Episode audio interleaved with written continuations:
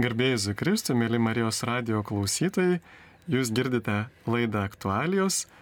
E, su jumis aš kuningas Sigitas Jurkštas ir šiandieną e, studijoje susitinkame su gerbiamu telšių vyskupu Algirdu Jurevičiumi, garbėjai Zukristui. Per amžius amen. Ir su Kauno kunigų seminarijos rektoriumi Ramūnu Norku. Garbėjai Zukristui, mėly Marijos radio klausytojai. Ir šiandien mes kalbėsime apie, ogi apie artėjančius Žemaičių kalvarijos atlaidus. E, turbūt daugelis esate ten ir buvę. Ir galbūt netyčia tarp jūsų yra tokių, kurie dar nesate buvę, tai galbūt bus proga apsilankyti. Ir mes šiandien stengsime giliau išvelgti, e, kokia yra tų atlaidų prasme, istorija, dvasingumas, e, kodėl mums ten verta būtų važiuoti. Tai gerbiamas vyskupė, gal jūs galėtumėt trumpai papasakoti apie to, tos žemaičių kalvarijos istoriją, nuo ko ten viskas ir kada prasidėjo? Na, ten buvo toksai kaimelis pavadinimu Gardai, tačiau e, ta tokia žymesnė istorija prasidėjo 17 amžiuje, kuomet žemaičių viskupas Jurgis Tiškevičius 1637 metais į Gardus pakvietė domininkonus Jiems viskupas pastatė namus, padovanojo žemės ir davė užduotį įsteigti e, kryžiaus kelio koplyčias. Ir vienuoliai kartu su vyskupu e, ėmėsi to darbo, pradėjo statyti koplyčias ir 1639 metais jau e, buvo pastatytos koplyčios ir buvo pradėta eiti kryžiaus kelias. Ir pats vyskupas Jurgis Tiškevičius, jis turėjo tokią, tokį projektą, tokią mintį, kad e, įrengti tas koplyčias kuo panašiau į Jeruzalėje esantį kryžiaus kelią. Taigi pasakojama istoriniuose šaltiniuose užfiksuota, kad net pats viskupas vaikščiojo žingsniais matavo atstumą nuo koplyčios iki koplyčios ir taip kaip įsivaizdavo, kad ir Jeruzalėje būtent Kristus pan, pan, panašų žingsnių skaičių galėjo eiti, vaikščioti, arba tai buvo daugiau, žinoma, simboliniai tie atstumai, tačiau tas buvo viskupui nepaprastai svarbu. Ir jis e, siekia, kad ta vietovė būtų e, pavadinta Naująją Jeruzalę. Ir jis net pakeitė gardų pavadinimą į Naująją Jeruzalę, tačiau tas pavadinimas neprigijo, bet prigijo žemaičių kalvarijos pavadinimas, nes vis tiek kalvarija, kalnas, ant kurio Kristus kentėjo ir čia yra e, žemaitijoje ta būtent žemaičių kalvarija. Dar vienas įdomus dalykas, kad e, viskupas Tiškevičius Jurgis labai norėjo, kad e, ta naujoji Jeruzalė būtų kuo daugiau panašesnė į senąją Jeruzalę, Izraelį esančią. Tad viskupas net pargabeno iš šventosios žemės žemių ir pirmą kartą eidamas tą žemės barstį ir meldėsi. Ir žinoma, žmonėms visiems tai buvo nepaprastas įspūdis. Anais laikais pargabenti to žemės, ant kurios, ko gero, kurią mindė ir Kristaus pėdos, žemiško Kristaus pėdos. Ir tai buvo didžiulis, e, sulaukė tokio didžiulio atgarsio e, ap, aplinkiniuose vietovėse ir daug žmonių e, eidavo, e, keliais eidavo, tą žemę bučiuodavo, e, kryžimi guldavosi, melzdavosi prie koplyčių ir taip formavosi tas dvasingumas. Ir šiandien labai džiugu, kad mūsų studijoje e, yra kunigas kunigas Ramūnas Norkus, kuris dalyvavo taip pat istorinėme įvykyje, nes buvo prieš kurį laiką e, kilusi iniciatyva atnaujinti šią tradiciją ir pakartotinai atvežti žemių iš Izraelio ir būtent pakartoti tą viskupo Jurgio Tiškevičiaus 17 amžiuje atliktą veiksmą. Tai kunigė Ramūnai, kaip ten buvo? Taip, ekscelencija teko dalyvauti tokioje įdomioje piligrimystėje.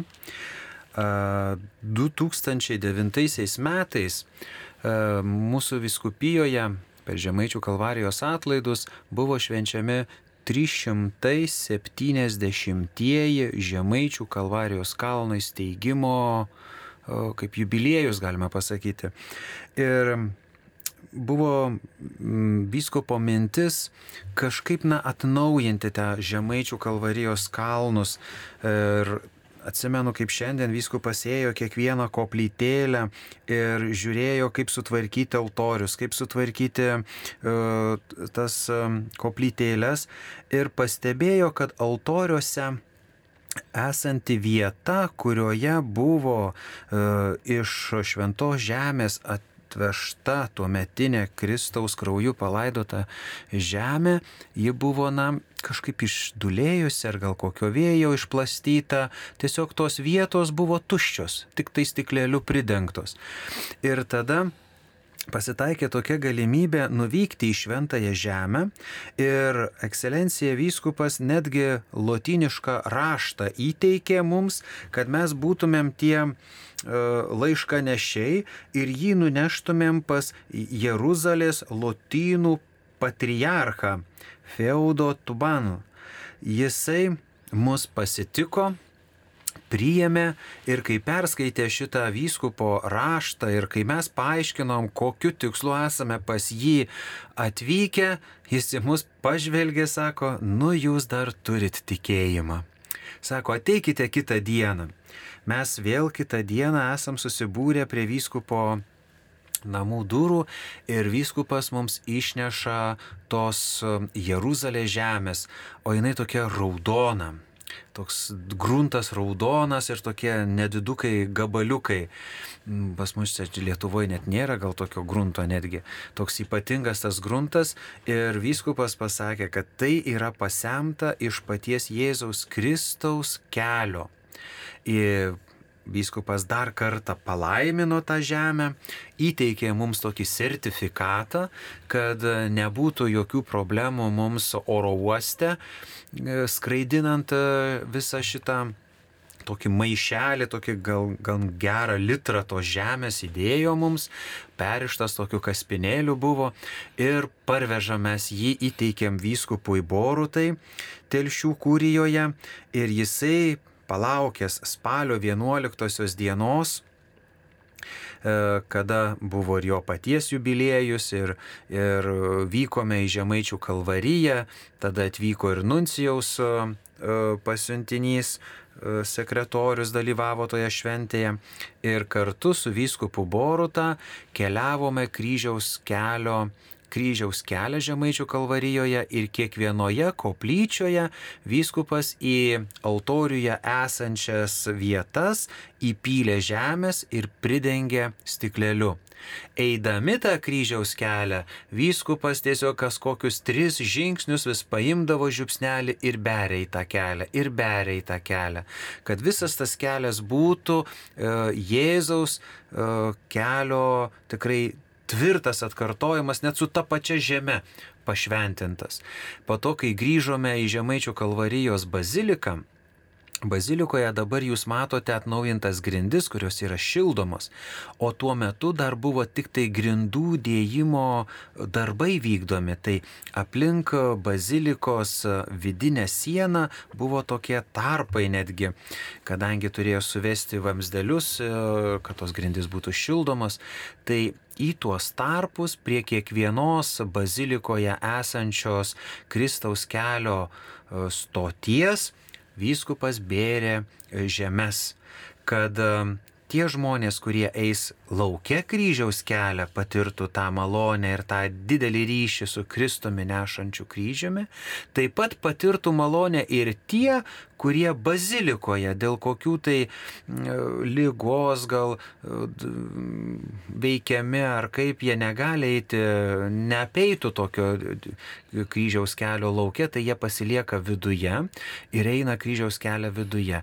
Taigi šitomis žemėmis iš Jeruzalės tikrai pats mačiau, pats parvežiau, žinau, dalyvavau tame barstime, taigi tikrai yra visa Žemaičių kalvarijos žemė pabarstyta Jeruzalės žemė, kuria Kristus pats vaikščiojo ir krauju prakaituodamas nešė kryžiaus kryžių už kiekvieno iš mūsų išganimą. Greškis į Dievą, žvelg į Kristaus kančią, apmastyk kryžiaus kelią ir pajusi, kad tavo gyvenimo kryžius tau tampa lengvesnis. Tai kartu ir žemaičių kalvarijos atlaidų prasme ir ėjimas į kalnus žemaičių kalvarijoje ir turi va būtent tą tokią prasme. Dievas nori palengvinti tavo gyvenimo kryžių. Ateik, eik kartu su juo ir pamatysi, kaip jis palengvės. Taip ir tas paveikslas jisai yra be galo mielas visiems atvykstantiems į Žemaičių kalvariją. Todėl, kad šeimos, sakykime, iššūkiai nėra tik žemaičiams aktualūs. Pavyzdžiui, dabar Kaune Giraitėje, e, Giraitės mikrorajone statoma yra bažnyčia. Ir vietiniai žmonės prašė šventosios šeimos titulo.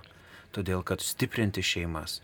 Todėl ir žemaičių kalvaryje atvykę piligrimai, jie kreipėsi į šį paveikslą, o jisai turi savo labai stiprią istoriją, nes sergantis vienuolis prie jo meldėsi ir tikrai pasveiko taip, kad gydytojai nebeturėjo kaip moksliškai pasakyti, kaip jis galėjo pasveikti. Todėl, kai jis sužinojo, kad jį skiria e, į Lietuvą ir siunčia jį į Žemaičių kalvariją, jis tiesiog iš Romos parsivežė šitą paveikslą čia į Žemaičių kalvariją. Ir tikrai, Ai, tas pats vienuolis, kuris prie jo pasveiko. Taip, taip, jis, jis buvo domininkonas ir jis buvo siunčiamas.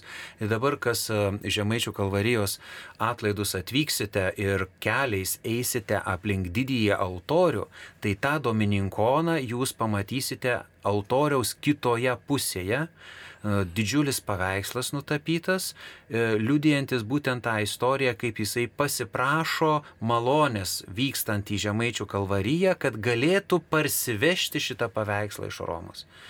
Tai jis jau ten garsėjo didelėmis malonėmis, o šis vienuolis tiesiog prašė tos malonės ir parsivežė čia į Žemaičių kalvariją. O Žemaičių kalvarijoje Dievas ir toliau teikia malonės, užtariant mergeliai Marijai tie, kurie kreipiasi, e, žvelgdami į šį paveikslą ir Marija pati tame paveiksle moko, kad kiekvienas glauskite Jėzų Kristų prie savo širdies, mylėkite jį. Kai mes kalbame apie Marijos paveikslą, dažniausiai tik apie Mariją. Tačiau e, paveiksle Marija yra pavaizduota kartu su kūdikėliu Jėzumi. Ir e, labai man patiko kunigo Ramūno ta mintis glausti Jėzų prie savęs, nes paveiksle būtent Jėzus yra atsigręžęs į Marijos veidą, prisilietęs prie veido ir Marija yra palinkusi į kūdikėlį Jėzų.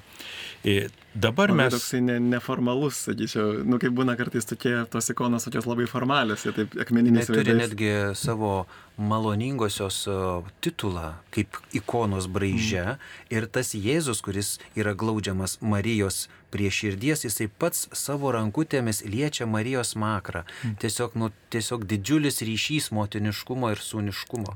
Todėl kiekvienas atvykęs čia piligrimas labai mato save E, tame. Taip, nes šiandien kas yra Kristus, kas yra Kristaus kūnas, tai yra bažnyčia. Tai esame kiekvienas iš mūsų, kiekvienas bažnyčios narys ir tada prisimename, kai Kristus nuo kryžiaus davė mums Marija kaip motina, štai tavo motina, štai tavo sunus. Ten tada apaštulų Jonui, tačiau jo asmenyje esame mes kiekvienas. Ir e, taip e, malonu žvelgiant į šį paveikslą įsivaizduoti, kad ir tu esi ant mergelės Marijos rankų, esi glaudžiamas, supamas, tiesi rankutę paliesti Dievo motinos, kartu savo motinos tą smakrą veidelį. Ir tai e, duoda, ateina tokia ramybė į širdį ir kartu, kada e, šiam paveikslui popiežius Benediktas XVI suteikia krikščioniškų šeimų karalienės titulą, tai kaip liudijo e, tuometinis viskupas e, Jonas Boruta, kai jisai buvo susitikime su popiežiumi ir pristatė e, Žemaičių kalvaryje, pasakojo apie paveikslą, apie patirtas malonės Ir tada kažkaip popiežius paklausė, o kaip, ka, kokios ypatingos pamaldumo tradicijos, kas atvyksta melstis. Ir viskupas Jonas Boruta papasakojo, kad atvyksta šeimos su vaikais, suklaupę, eina keliais Ir tada ta mintis parėjo tai, kad e, gal tada suteikim šiam paveikslui e, šeimų karalienės, būtent krikščioniškų šeimų karalienės titulą. Ir tai buvo 2006 metais šis paveikslas karūnuotas kartu ir Marijos karūna ir Jėzaus karūna, nes dvigubas karūnavimas Ir tas karūnavimas yra liturginė apeiga bažnyčioje, e, kuri reiškia šio paveikslo ypatingą pripažinimą, kaip maloningumo pripažinimą. Dažniausiai tie rūbai, tie šarvai būna nulėdinti iš tų votų, kuriuos žmonės per tos šimtmečius saukojo. Taigi turime e, tokią e, tikrai gražią, tokią šiltą e, e, tą viziją mergelės Marijos kaip šeimų karalienės, į kurią galime kreiptis patirdami e, tą motinišką šilumą, ši, e, šventosios šeimos globą, na ir kartu melzdamiesi už kitas šeimas. Tuo metu aš buvau tik tik pašventintas diakonu. Ir diakono tarnystėje yra tokia speciali malonė, kad turi būti patarnaujantis vyskupui. Tai tą dieną mes diekonai E, tuometinis diakonas Karolis Petravičius buvo kartu su manim, mes visi lipome su tuometiniu nuncijumi ir telšių vyskupų tokiais laiptukais padaryta pakyla iki pat to paveikslo viršaus ir reikėjo šitas karūnas e, pritvirtinti tenais prie paveikslo. Su atsuktuvais. Ne, ten kitoks ten principas, ten labai gražiai auksakaliai buvo padarę, tai vyskupas tiesiog įdavė į rankas man, sako, dabar tu kabink. Tai tas kabinimo... Labai jinai tokia, buvo pats momentas, tada ne, negalvoji, žinai, ar atsuktuvas, ar sunki karūna, ar kas, bet tas momentas, kad Marijai galiu tokią kaip padėką už kunigystę, už pašaukimą. Ir Jėzui e, Karolis dėjo karūną, už taip Marijai uždėjo karūną. Tai tikrai tas paveikslas yra labai labai toks mielas ir artimas širdžiai. Jo, iš tikrųjų man labai patiko ir tai, va jūsų gerbimas vyskupa mintis, kad e, Marija Jėzus duoda mums nuo kryžiaus ir iš tikrųjų Marija, juk jinai mūsų kryžiaus, gyvenimo kryžiaus kelyje yra kaip mūsų pagoda, mūsų ta užtarėja, kad bet jos, jos pagoda, jos užtarimas, jos meilė padaro tą kryžių lengvesnį.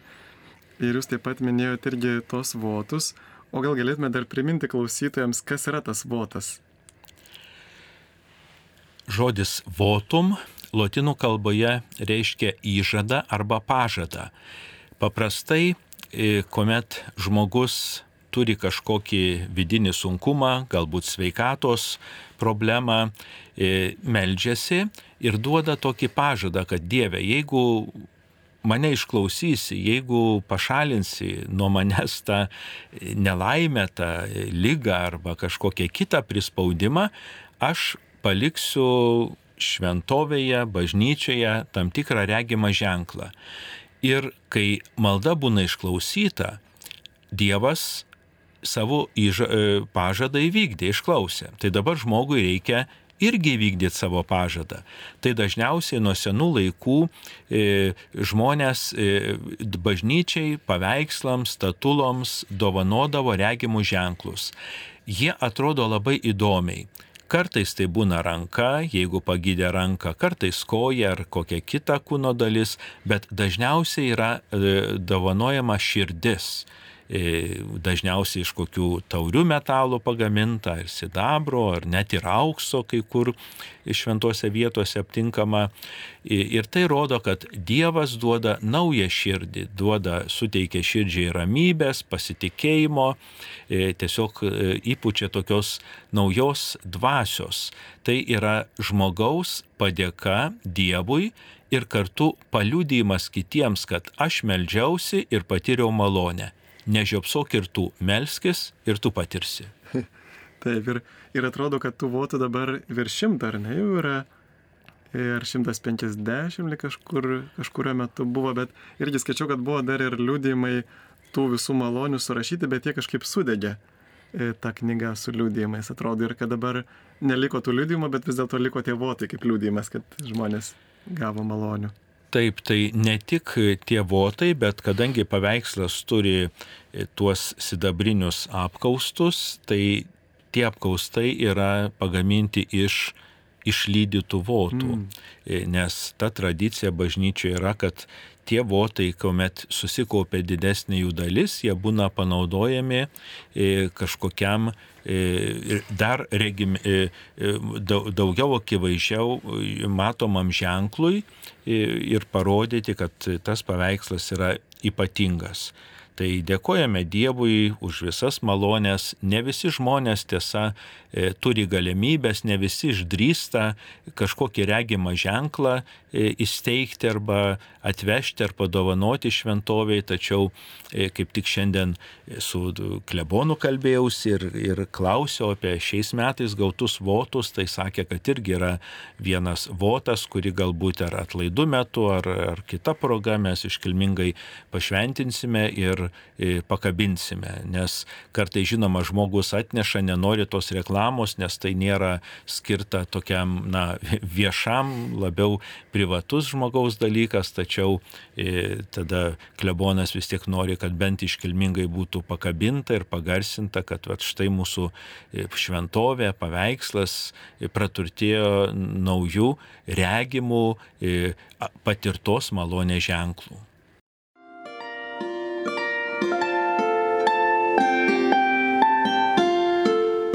Jūs girdite Marijos radiją.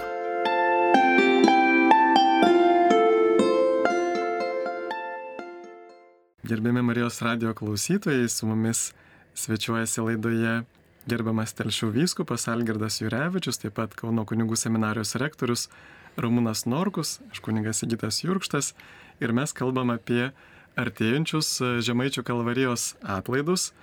Ir dar turiu tokį klausimą, kodėl mums reikalingos tos specialios vietos kažkur tai važiuoti, argi nėra Jėzus mūsų švenčiausiam sakramente, ar nėra Marija toje mūsų bažnyčioje, va kodėl, kodėl Dievas pasirenka būtent per tokias šventas vietas mums duoti kažkokių tai ypatingų malonių. Čia yra piligrimystė, o piligrimystės tradicija yra nepaprastai e, sena ir gili, nes piligrimas tai nėra turistas. Turistas jis e, vyksta į kažkokią tai vietą, turi tikslą kažką pamatyti, kažką, kažkokiu nuotikiu patirti, dar kažko. O piligrimas e, tai yra vienas dalykas - kelionė geografinė, kitas dalykas - širdies kelionė, kelionė į save. E, nes piligrimas visų pirma turi intenciją, tam tikrą motyvą, dėl kurio keliauja. Galbūt žmogus ieško savo pašaukimo ir nori išsigryninti. Ir keliaudamas ar pešiomis, ar e, e, kitais būdais, jisai lieka su savimi e, gamtoje, e, kartu keliauja į šventą vietą, siekia tikslo ir įsigrynina tą savo pašaukimą ir savo gyvenimo tikslus. Kitas dalykas yra intencijos ir tie motyvai dėl kitų pavyzdžiui, meldžia šeimo, šeimai ramybės, meldžia močiutės anukams sveikatos, e, nori e, atsivertimo malonės e, savo artimiesiems meldžia. Ir e, būtent tai, ta intencija e, daro e, piligrimystę e, tokia turtinga. Ir ta piligrimystė kelionė į save, ir kelionė į šventą vietą, jos vienas kitą labai e, papildo. Nors Dievą mes galime visur surasti, lygiai tas pats mes šiandien naudojamės mobiliomis e, komunikacijos priemonėmis, bet kam tada lankyti kaimynus, kam eiti į darbą, jei galima nuotoliniu būdu daug ką sutvarkyti, bet mes pamatėme per tas karantiną ar pandemiją, kad mes, mums labai reikia susitikimo, mums reikia kelionės, susitikimo, nuėjimo, aplankimo, paspaudimo, prisiglaudimo, rankos paspaudimo, veido matymo, todėl nusimam kaukės. Ir čia yra lygiai tas pats santykiuose su Dievu. Dievą galima visur patirti ir visur atrasti. Bet kai met, kuomet nukeliauji ten, kur yra daug e, besimeldžiančių, Dievą ieškančių, nes Kristus sako, kur du ar trys mano vardu susirenka, ten jau aš esu jūsų tarpe. Tai reiškia, ir ta malda jau yra bendruomeninė ir jinai yra tokia stipresnė, galingesnė, nes net tu vienas meldiesi. Tai lygiai tas pats ir tie atlaidai Žemaičių kalvarijoje, kurie subūrė minę žmonių, kurie po to po mišių eina į kalnus, gėda e, giesmės, apmasto Kristaus kančią, nu, buvimas e, tarptų žmonių įvairiausių grupių, iš, iš įvairiausių parapijų, viskupijų, tai nu, tiesiog kelia nuo žemės ir duoda, suteikia visai tai piligrimistė prasme. O kunigė Ramūnai, Jūs, jeigu neklysiu, dar buvote ir parengimo kurso vadovas, taip, Žemaičių kalvarijoje. Aš Šilovoje buvau. Aš Šilovoje. Ai, super, nu vis tiek šventa vieta. Ir jūs kaip jaunas kunigas, mes dar, nu aš nesakau, gerbiamas vyskupė, kad jūs esate senas, bet vis tiek mes esame šiek tiek jaunesni. Ir tada vis tiek atrodo dar neseniai čia tos galimybės atsirado ir keliauti visur. Va, kokia jūsų yra tos piligrimystės patirtis, va, tiek Šilovoje, tiek Žemaičių kalvarijoje? Man mergelė Marija yra išskirtinis žmogus mano gyvenime, nes labai daug kur jinai e, mane lydėjo. Aš gimiau mergelės Marijos parapijoje, aš užaugau paskui, kitom miestelį vėl buvo mergelės Marijos titulas, aš išėjau į kariuomenę ir važiavome į mergelės Marijos bažnyčią. Ir tada, kai jau gavau laišką, kad esu įstojęs į kunigų seminariją, išlaikęs egzaminus ir kviečia atvykti tam tikrą dieną, mano klebonas irgi nusivežė mane į aušos vartus ir šventųjų mišių metu pavedė mergelės Marijos globai. Nežinau, ar tikrai dėl to, bet mums vyskupas net leido pasirinkti, kur norėtumėm būti pašventintais kunigais. Tai mes pasirinkome Žemaičių kalvariją, mergelės Marijos globai pasivedę, nes mūsų kursas irgi buvo pavestas nekaltai mergelės Marijos garbiai. Tai čia trumpai neišsiplečiant, noriu pasakyti, kad mergelė Marija yra ypatinga palydovė mano gyvenime, todėl nuvažiuoti į Žemaičių kalvariją man yra visuomet nuvykti pas savo dvasinę mamą, o kad nuvykti ten reikia turėti laiko, reikia turėti išteklių, reikia kūrą užsipilti, reikia kažkur susirasti, gal ir e, pavalgyti ir permiegoti. Taigi visa tai liudija, kad tikrai aš noriu ten. Kad, ko mes iš tikrųjų iš širdies gelmės trokštam, atrandam ir laiko, ir išteklių, ir būti Žemaičių kalvarijoje, tai būti maldos, um, lašeliu būti maldos okeane. Ir eiti kartu kryžiaus kelią, tai palieka tikrai labai labai labai stiprų e, indėlį ir, ir pašaukime, ir santykėje su Dievu, ir maldoje. Taip, ir aš irgi tikrai pastebiu, kad per piligrimystę tu tarsi palieki rutiną ir tada daug lengviau yra ieškoti, va būtent ieškoti Dievo valios, tu tarsi esi tame kelyje. Ir aš prisimenu, irgi teko šiek tiek daugiau laiko praleisti ir, ir užsienį, irgi tarsi ieškant Dievo valios. Tai aš kažkaip tą laiką prisimenu kaip tokį, na, vieną iš nuostabiausių laikų savo gyvenime, nes mes kartais taip atrodo, kad, na, bet viskas, aš jau, pavyzdžiui, tapau, susitokiau, tapau kunigu, tapau vyskupu ir viskas jau tarsi Dievo valia, jau, jau tarsi žinau ir nebereikia jos ieškoti, o, o pasirodo, kad vis tiek Dievas kiekvienai dienai turbūt turi savo valios ir mes turėtume nenustoti ieškoti Dievo valios, net jeigu ir atrandama tokį savo pašaukimą ar šeimą, ar kunigystę, ar dar kažkur tai. Visas gyvenimas yra piligrimystė į tėvo namus ir svarbu nesustoti pusiaukelėje. Sako, bijok to žmogaus, kuris sako, kad viską jisai žino ir viską išmano. Tai reiškia, kad jis nieko nežino ir nieko neišmano, nes pasaulyje yra tiek daug Dievo paslapčių ir panašiai kaip ir su mokslininkais, kuo didesnis įsilavinimas, tuo jis labiau e, linkęs pripažinti tą Dievo pasaulio slėpiningumą, paslaptingumą, nes jeigu įmena vieną kažkokią tai mokslas myslę gamtoje ar visatoje, iš karto šimtai kitų mislių iškyla, kurios dar neįmintos. Ir tiesiog tas, koks nuostabus pasaulis, kaip jis surėdytas, tai lygiai tas pats ir žmogus visada yra kelyje, kuris atsigręžęs kryptis į Dievą, į jo valios ieškojimą ir tai yra teisingiausia krikščionio laikysena. Taip ir e, va tas Dievo valios ieškojimas, tas klusnumas Dievo valiai, aš vėl prisiminsiu šventąją Faustiną, man kažkaip jinai brangi kaip, kaip Vilniečių ir kaip va šventoji, kuri gyveno Vilniuje, Lietuvoje. Ir jinai kai sakydavo, kad e, e, tai ir yra šventumas, kada mes sakom, Dieve tiesie ne mano, bet tavo valia.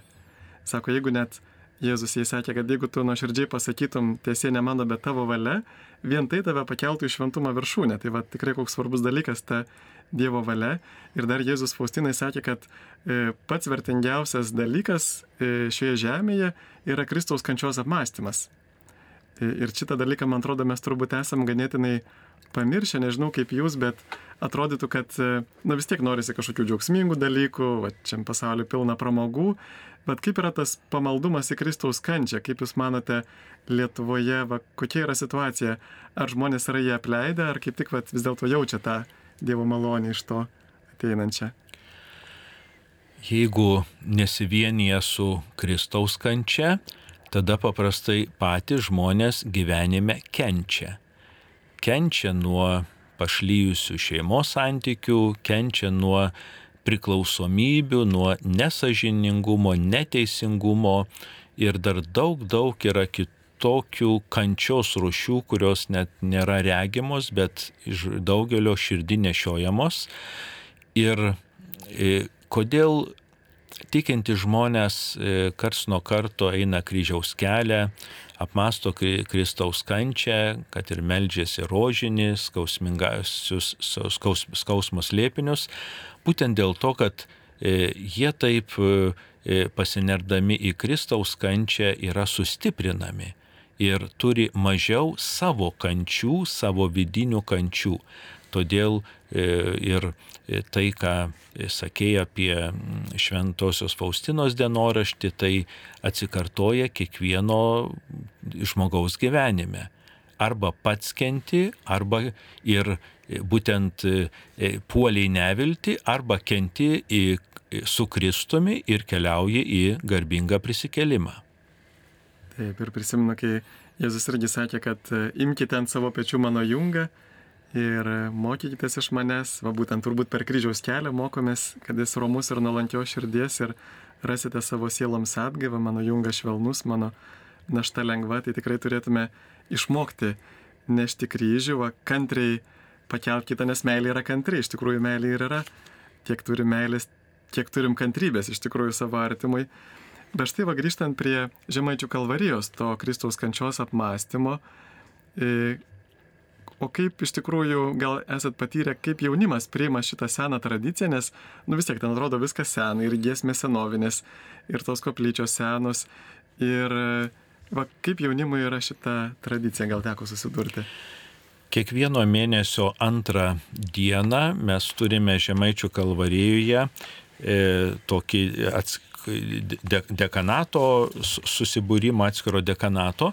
Ir kaip tik gegužės antrą dieną Telšių dekanatas buvo atvežęs viso dekanato sutvirtinamuosius į, į tokią dieną, nes pasirodo, kad dalis e, jaunuolių, nors telšiai ir žemaičių kalvarija nėra labai toli, bet nėra buvę e, žemaičių kalvarijoje, arba kad ir buvo, bet nėra ėję to kryžiaus kelio su kalnų gėdojimais.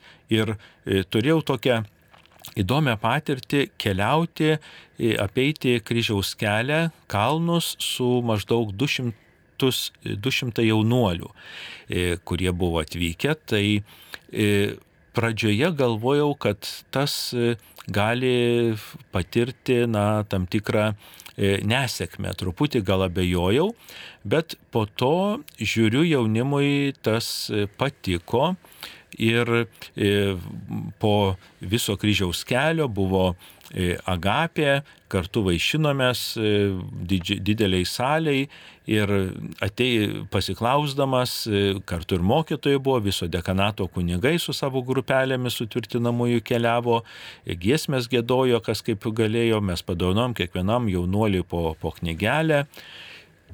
Pa, pa, bendra nuotaika buvo labai gera ir visi sako, nu mes pirmą kartą, mums čia patiko, visi jautėsi truputį tokie nuvargę, e, tačiau e, manau, kad e, jaunimui va, šis toksai, sakyčiau, mokomasis kryžiaus kelias, jisai buvo tikrai naudingas.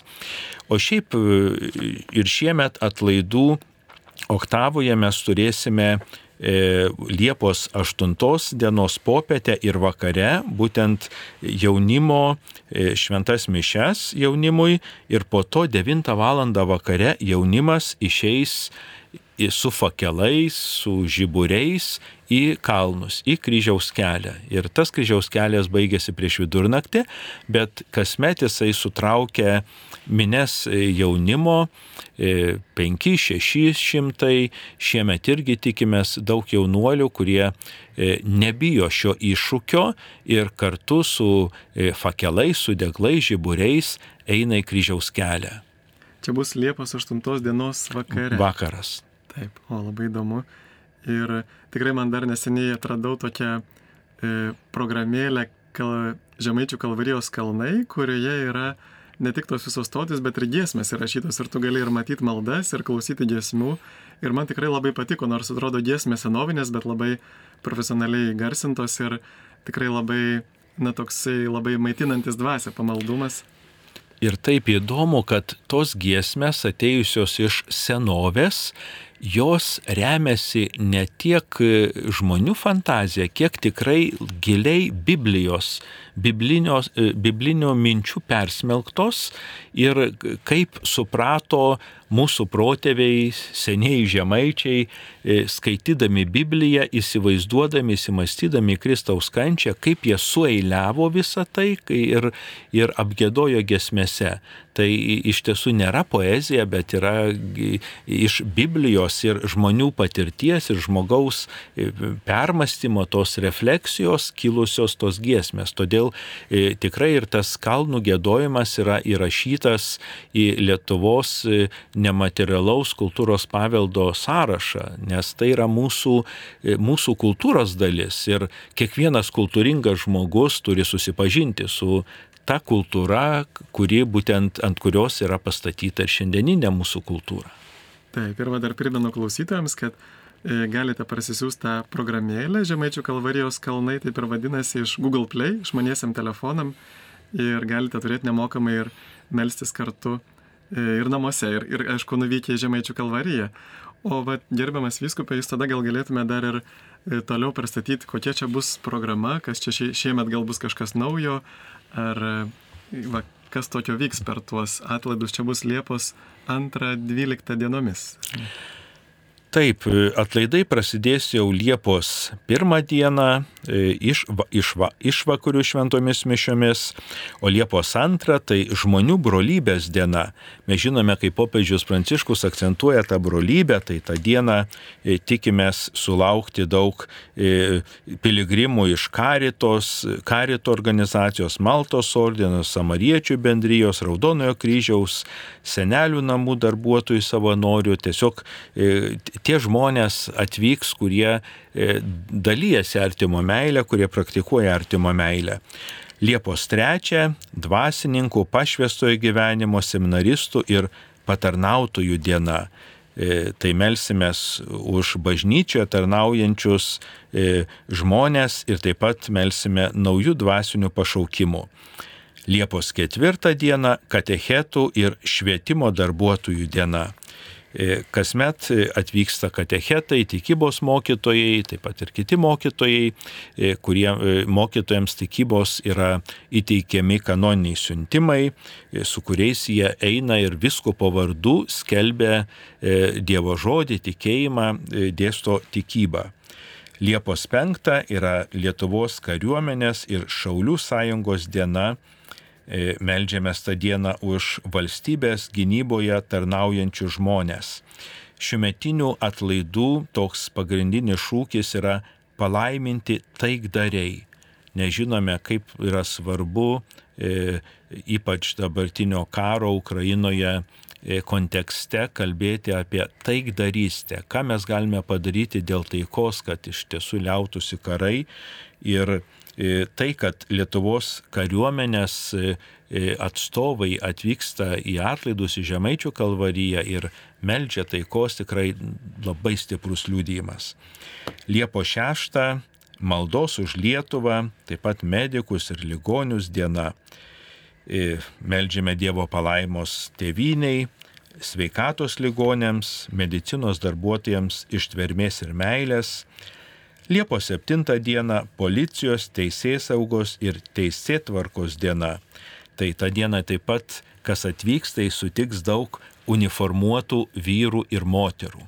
Įdomu tai, kad dabartinėje policijoje jau vyrų ir moterų santykis yra beveik lygus, todėl tikrai malonu, kad ir moteris renkasi šį e, profesinės veiklos kelią. Na, Liepos 8 melsime už menininkus, kultūros darbuotojus ir jaunimą, e, nors jaunimo akcentas daugiau bus vakare, vakaro šventos mišios ir po to e, vakarinis kryžiaus kelias. Liepos 9 e, melsimės už šeimas. Tai bus ta diena, e, kuomet atvyks e, Žemaičių kalvaryje popiežiaus atstovas, apaštalinis nuncijus, arkiviskupas Petar Antur Raič ir jisai vadovaus šventoms mišioms. Liepos 10 diena žemdirbių bei ūkininkų diena. Žinome, kokie sunku šie metai dėl sausros žemdirbiams bei ūkininkams. Melskime, kad tos pasiekmes tikrai e, padėtų išlaikyti mūsų žemdirbystę ir ūkiai išliktų, išgyventų šitas e, negandas. Liepos 11 diena geradarių ir rėmėjų diena. Melsime už verslininkus ir visus darbo vietas kūrenčius kad jų pasiekti laimėjimai prisidėtų prie visuomenės gėrio. Nes jeigu verslininkai užsidirba, tai jie remia ir kitus socialiai pažeidžiamus žmonės ir organizacijas. Na ir Liepos 12 dieną baigsime atlaidus, tai yra Žemaičių kalvarijos parapijos ir bendruomenių diena. Melsime, kad garsas apie Žemaičių kalvarijos šventovę toli sklistų o jos piligrimai iš Žemaitijos, Lietuvos ir viso pasaulio patirtų gausių Dievo malonių. Tai tikrai kviečiame visus, kurie e, kasmet atvykstate, atvykti, tie, kurie abejojate ir vykti, būtinai atvykite. Ir tie, kurie dar niekad nei karto nesat buvę, atvykite. Susipažinkime su mūsų E, dvasingumu, su Žemaičių kalvarijos kalnais, gėdojimo tradicija, kuri yra įrašyta į Lietuvaus nematerialaus kultūros paveldo savadą. Ačiū labai Jums, jau mūsų laikas visai eina į pabaigą ir gal dar pabaigai galėtumėt gal ir, ir Jūs, kunigė Ramūnai, ir Jūs, gerbiamas viskupė, nu, pasakyti, ko linkėtumėt tiems piligrimams, kurie atvyks šiemet į, į Žemaičių kalvariją. Tikrai visus kviečiu ir aš. Niekas, man atrodo, su Žemaičių kalvarijos negryžo nusivylęs. Visada kažkas grįžo atradęs save, santykių su Dievu, apmastęs kryžiaus kelią, tikrai supratęs apie tą tikrąją tiesą, dėl kurios Kristus buvo čia žemėje, kentėjo, mirė ant kryžiaus ir prisikėlė. Taigi visiems noriu piligrimams palinkėti dvasinio prisikėlimo ir stiprybės nešant savo gyvenimo kryžių. Įprastos kryžiaus kelio stotis bažnyčiose baigėsi 14 stotimi e, Kristus laidojamas. O Žemaičių kalvarijoje mes turime net 20 stočių ir paskutinė stotis tai yra Šventoji Elena atranda Kristaus kryžių.